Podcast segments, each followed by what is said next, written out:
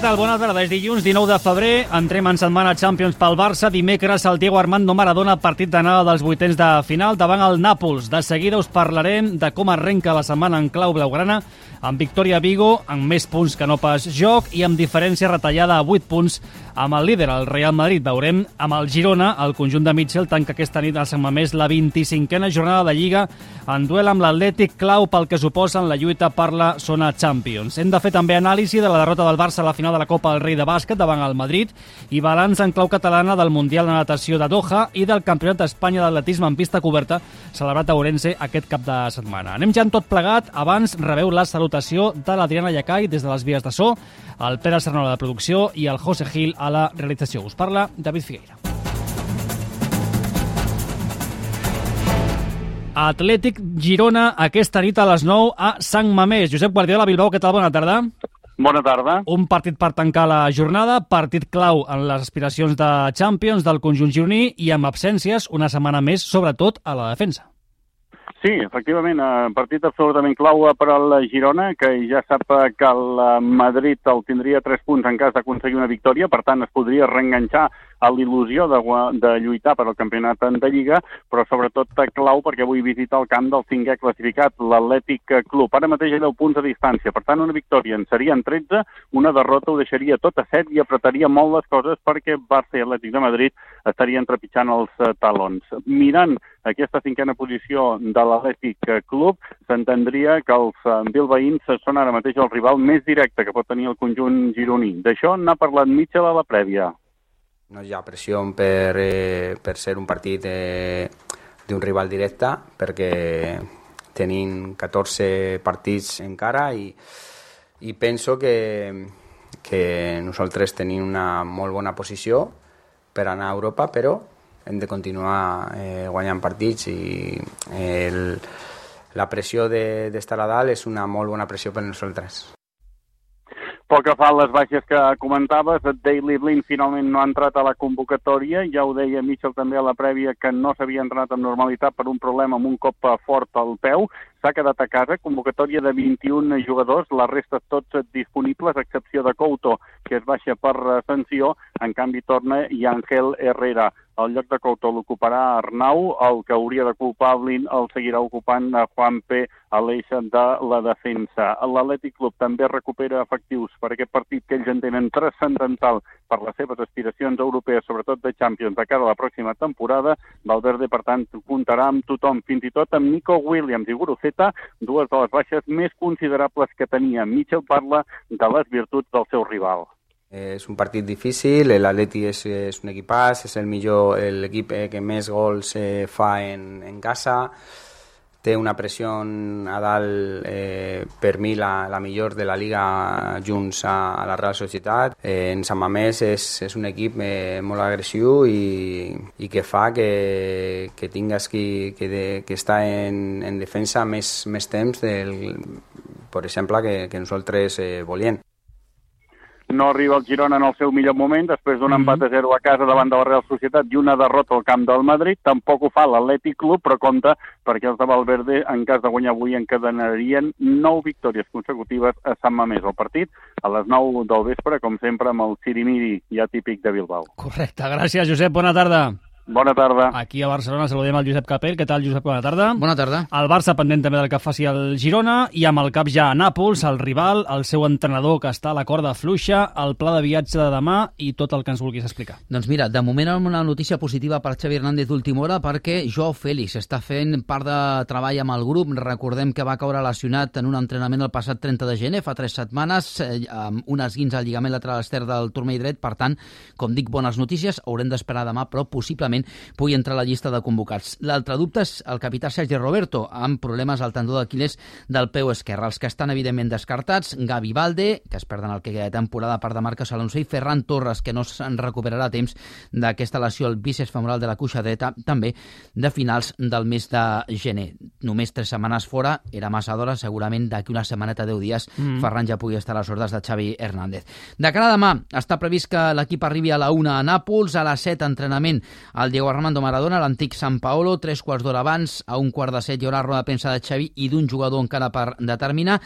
Pel que fa al Nàpols, a les 11 entrenament a la ciutat esportiva, la seva ciutat esportiva, i a les 5 roda de premsa del que encara és el seu tècnic. Com tu deies, el Barça amb problemes, el Nàpols encara més. Ara mateix és novè a la Lliga Italiana a 27 punts de l'Inter, que és el primer, però sobretot i més important perquè és el seu objectiu entrar en Champions la propera temporada a 9 punts del quart classificat. Dels darrers 5 partits, només una victòria, dos empats i dues derrotes, les dues davant l'Inter i el Milan, i l'últim partit un empat in extremis davant del Gènova. Ja es parla fins i tot de, de Francesco Calzona com a possible substitut de Masarri, que se la juga davant del Barça. I només una dada per acabar, mm. David, i és que recordem que el Barça la darrera darrera vegada que va accedir a uns quarts de final de la Champions va ser la temporada de la pandèmia, 19-20, el rival en vuitens de final va ser precisament el Nàpols. El Barça va aconseguir empatar una allà amb gol de Griezmann, posteriorment va guanyar el Camp Nou això sí, als quarts de final va caure davant del Bayern de Munic. El darrer precedent també va ser una victòria 2 a 4, els dos únics cops que el Barça ha jugat allà, un empat i una victòria. Anem pas a pas, de moment pensem en dimecres. Gràcies, Josep, bona tarda. Fins ara. Segona divisió, aquesta nit completem la 27a jornada en el partit Tenerife-Eldense, després de la victòria 3 a 0 davant el Mirandés de dissabte. L'Espanyol serà tercer classificat a dos punts de l'Eibar, segon i proper rival dels blanquiblaus a Ipurua dissabte vinent. Més coses, la selecció espanyola femenina ja es troba concentrada a les Rozas, a Madrid, per preparar la Final Four de la Lliga de Nacions amb semifinal aquest divendres a Sevilla contra Països Baixos. Entre les convocades, ja ho sabeu, Alexia Putelles, encara de baixa, no juga des del 14 de novembre i amb força polèmica per aquesta citació i amb versions enfrontades entre jugadora i Barça. Jonathan Giraldez, l'entrenador del club, va oferir ahir la seva versió. Era súper importante terminar con una victoria antes del parón, terminar con esas buenas sensaciones que quizás el último partido no tuvimos y bueno, ese era el objetivo, así que nos vamos tranquilas y, esperar a la vuelta porque vienen partidos muy importantes. Hablamos ahora también con Vicky, que al final es su primera convocatoria con la selección. Tú ya digamos que ah, por edad no te tocaría, pero ya eres una de las veteranas de la selección. ¿Qué se le recomienda? No sé si ya os ha dado tiempo de hablar con ella, eh, qué le habéis presentado ¿no? de lo que os espera estos días y cómo también es tu papel de importante para jugadoras tan jóvenes que se incorporan poco a poco a la selección. Bueno, yo creo que con Vicky aquí estamos súper unidas aquí en Barça y, y, va a ser lo mismo allí, eh, eh, ayudarle en todo lo posible, ya, ya le diré lo que le tenga que decir, pero yo creo que es una jugadora que se va a adaptar fácil, al final eh, puede ser el mismo contexto que aquí, eh, lo importante es que vaya allí a disfrutar, a, sacar lo que tiene en las piernas y seguro que va a ir bien. No era Jonathan Giraldez, sinó Salma Parayuela, en conversa amb la Sara Gutiérrez, Giraldez deia que ell pensava que Alexia Putellas no seria convocada i creu que entre el que ell sabia i la convocatòria va haver alguna conversa entre Alexia Putellas i la Federació Espanyola de Futbol. Salma Parayuelo també concentrada, al igual que Vicky López amb la selecció espanyola femenina. 1 i 23. Plana poliesportiva, bàsquet, Àlex Carazo, què tal? Bona tarda. Bona tarda. Derrota del Barça a la final de la Copa del Rei davant el Real Madrid. L'últim quart va condemnar els de Roger Grimau. També es queixen els blaugranes de l'actuació dels àrbitres. Sí, si et sembla, David, escoltem primer a Nicola Provítila i Roger Grimau parlant sobre això que acabes de dir just a l'acabar la final. Empezamos, eh, sí, el último cuarto impreciso, pero muy rápidamente con, creo que, eh, decisiones de los árbitros muy finas y Está bien que se pueden equivocar, però eh, hoy no, no me voy conforme con eso. Una cosa no treu l'altra. Hem perdut, el Madrid ha estat millor en determinats moments i, i ha estat millor, i ha guanyat i ja està. Perquè ja sé que hi haurà titulars ara i se'n dirà de tot i tal. I potser no és el dia de dir-ho. Igual m'haig esperar dos dies, una setmana, però no, no crec que sigui només d'avui. Sobre la pista, un, un autèntic partidàs de bàsquet el que es va veure el Martín Carpena de Màlaga, molt igualat fins al darrer quart. De fet, la màxima diferència del Barça fins a aquell moment havien estat més 5 i la del Madrid més 7. Però, això sí, els blancs van saber jugar millor als moments clau i principalment de la mà de Poirier amb 17 punts i de l'MVP del torneig Campazzo amb 18 van acabar guanyant la Copa 96-85. L'entrenador Xus Mateo i el propi Campazzo al micròfon de Ràdio Nacional. Son los dos equipos que están en las primeras ubicaciones de las dos mejores competiciones del mundo fuera de la NBA, así que eh, era espectáculo garantizado, así que creo que se dio un buen, una muy buena Copa del Rey con partido de altísimo nivel, tremenda final. Eh, y bueno, creo que hicimos un gran mérito que nos lo llevamos a casa. A veces es una anécdota ganar o perder. Hoy el Barcelona también ha merecido ganar, sin duda.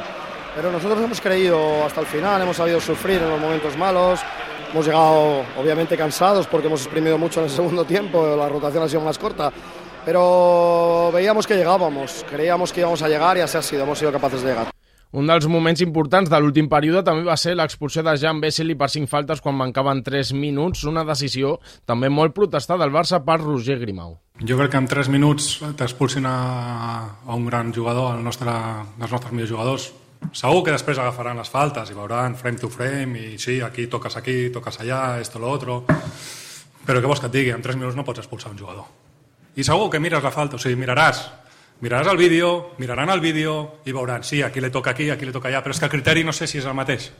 Els millors al conjunt blaugrana va ser Javari Parker amb 19 punts i Thomas Satoramski amb 15. Hemos hecho un torneo sólido, pero nos ha faltado, nos ha faltado este, esto de, que lo, de lo que he hablado antes del partido, que tienes que estar mm, casi perfecto contra ellos durante todo el tiempo y nos faltó esto. Així, David, el Madrid va tornar a guanyar un títol que no aixecava des del 2020, precisament també a Màlaga i amb Campazzo com a MVP. Mm, I una cosa més, Àlex, avui arrenca la concentració de la selecció espanyola per disputar partits del preeuropeu, la concentració que hauria de suposar la tornada de Ricky Rubio a les pistes. Sí, es tracta de la primera de les tres finestres on la selecció haurà de buscar la seva plaça a l'Eurobàsquet de 2025. El primer partit és contra Letònia dijous i aquí a Saragossa i després diumenge s'enfrontaran a Bèlgica a Charleroi. Recordem, com tu deies, convocatòria on ja està Ricky Rubio i que, tal com va explicar el seleccionador Sergio Scariolo, s'espera que en algun d'aquests dos partits sigui el retorn del base del Masnou a les pistes. Gràcies, Àlex. Mirem més coses del cap de setmana que ens ha deixat el dissabte, diumenge, també divendres. Joan Seixas, que tal? Bona tarda. Bona tarda. Balanç del Mundial, més enllà, encara, 10 dies de natació de Doha centrats en el paper destacat dels esportistes catalans. Sí, un Mundial de Doha que es tanca amb un balanç de 10 medalles per la delegació espanyola, amb un or, 4 plates i 5 bronzes. D'aquestes 10, 6 amb representació catalana, començant per la natació artística, sens dubte la disciplina més fructífera, amb 4 metalls, 3 plates i un bronze. El ballesat Denis González va ser plata en solo lliure i plata al duet mixta, juntament amb la també catalana Mireia Hernández, plata també de l'equip a la final de rutina tècnica i bronze d'Iristió i Elisa Osoguina al duet tècnic. D'altra banda, el waterpolo espanyol, amb àmplia representació catalana, tampoc va faltar la cita amb les medalles i tot i no poder lluitar per l'or, van sumar dos importants bronzes. La selecció femenina es va imposar a Grècia en un emocionant final de consolació que es va decidir gràcies a un gol de la catalana Elena Ruiz a 3 segons pel final, un gol que donava el primer bronze del combinat femení en un Mundial. Un dia després, la selecció masculina va fer el mateix a l'imposar-se a França per 14 a 10. Pel que fa a la natació, només dues medalles espanyoles, cap amb representació catalana, les dues del balear Hugo González, que es va proclamar campió del 100 esquena i subcampió del 100 i que és, sens dubte, la gran esperança de la natació de cara a París. Pel que fa als nostres, el tarragoní Carles Coll es va quedar només 47 centèsimes de la final dels 200 braça, on no va aconseguir mínima per París, tot i que sí podria ser-hi amb els relleus 4% a estil. El Sant Bui Adrián Santos, tot i fer marca personal als 50 esquena, no va passar de les semifinals, el mateix que la barcelonina Àfrica Zamorano, que va ser onzena als 200 esquena. I què podríem destacar del cap de setmana del Campionat d'Espanya d'atletisme en pista coberta a Ourense, també pel que fa a la representació catalana? Breument, Joan. Doncs bon paper dels catalans, començant per, les, per una de les que no feia mai, nou or per Esther Guerrero als 1.500 metres, cinquè títol estatal en aquesta distància, en una cursa on Marina Martínez va acabar tercera en la mateixa modalitat. El Palamosí del Metxal va sumar el seu quart títol i s'apropa al 5 del mític Juan Carlos Higuero. Metxal també es va adjudicar la prova dels 3.000. Destaca també la plata de l'Espí en el salt de perxa i les dues medalles de Maria Vicente, l'or als 60 metres tanques amb la sisena millor marca de sempre i el bronze en altura. Per cert, David, demà coneixerem la convocatòria per a aquest Mundial en pista coberta de Glasgow que es disputarà entre l'1 i el 3 de març. Perfecte, Joan, gràcies. Recordem que el cap de setmana el Barça d'hoquei patins ha guanyat la Copa Intercontinental, 6 a 3 a l'Argentina contra el Porto, que tenim en marxa a Lossà i la Catal els últims entrenaments de pretemporada de MotoGP, dos dies, avui i demà. El Mundial arrenca en aquell circuit el dia 8 de març i que tenim també tenis avui amb dos catalans a Rio de Janeiro. Albert Ramos juga contra el peruà Juan Pablo Varillas i a Dubai Paula Badosa contra la suïssa Lulu Sung. És tot pel que fa als esports. Arriba ara la informació de la caire general amb la Mireia Moreno. Bona tarda.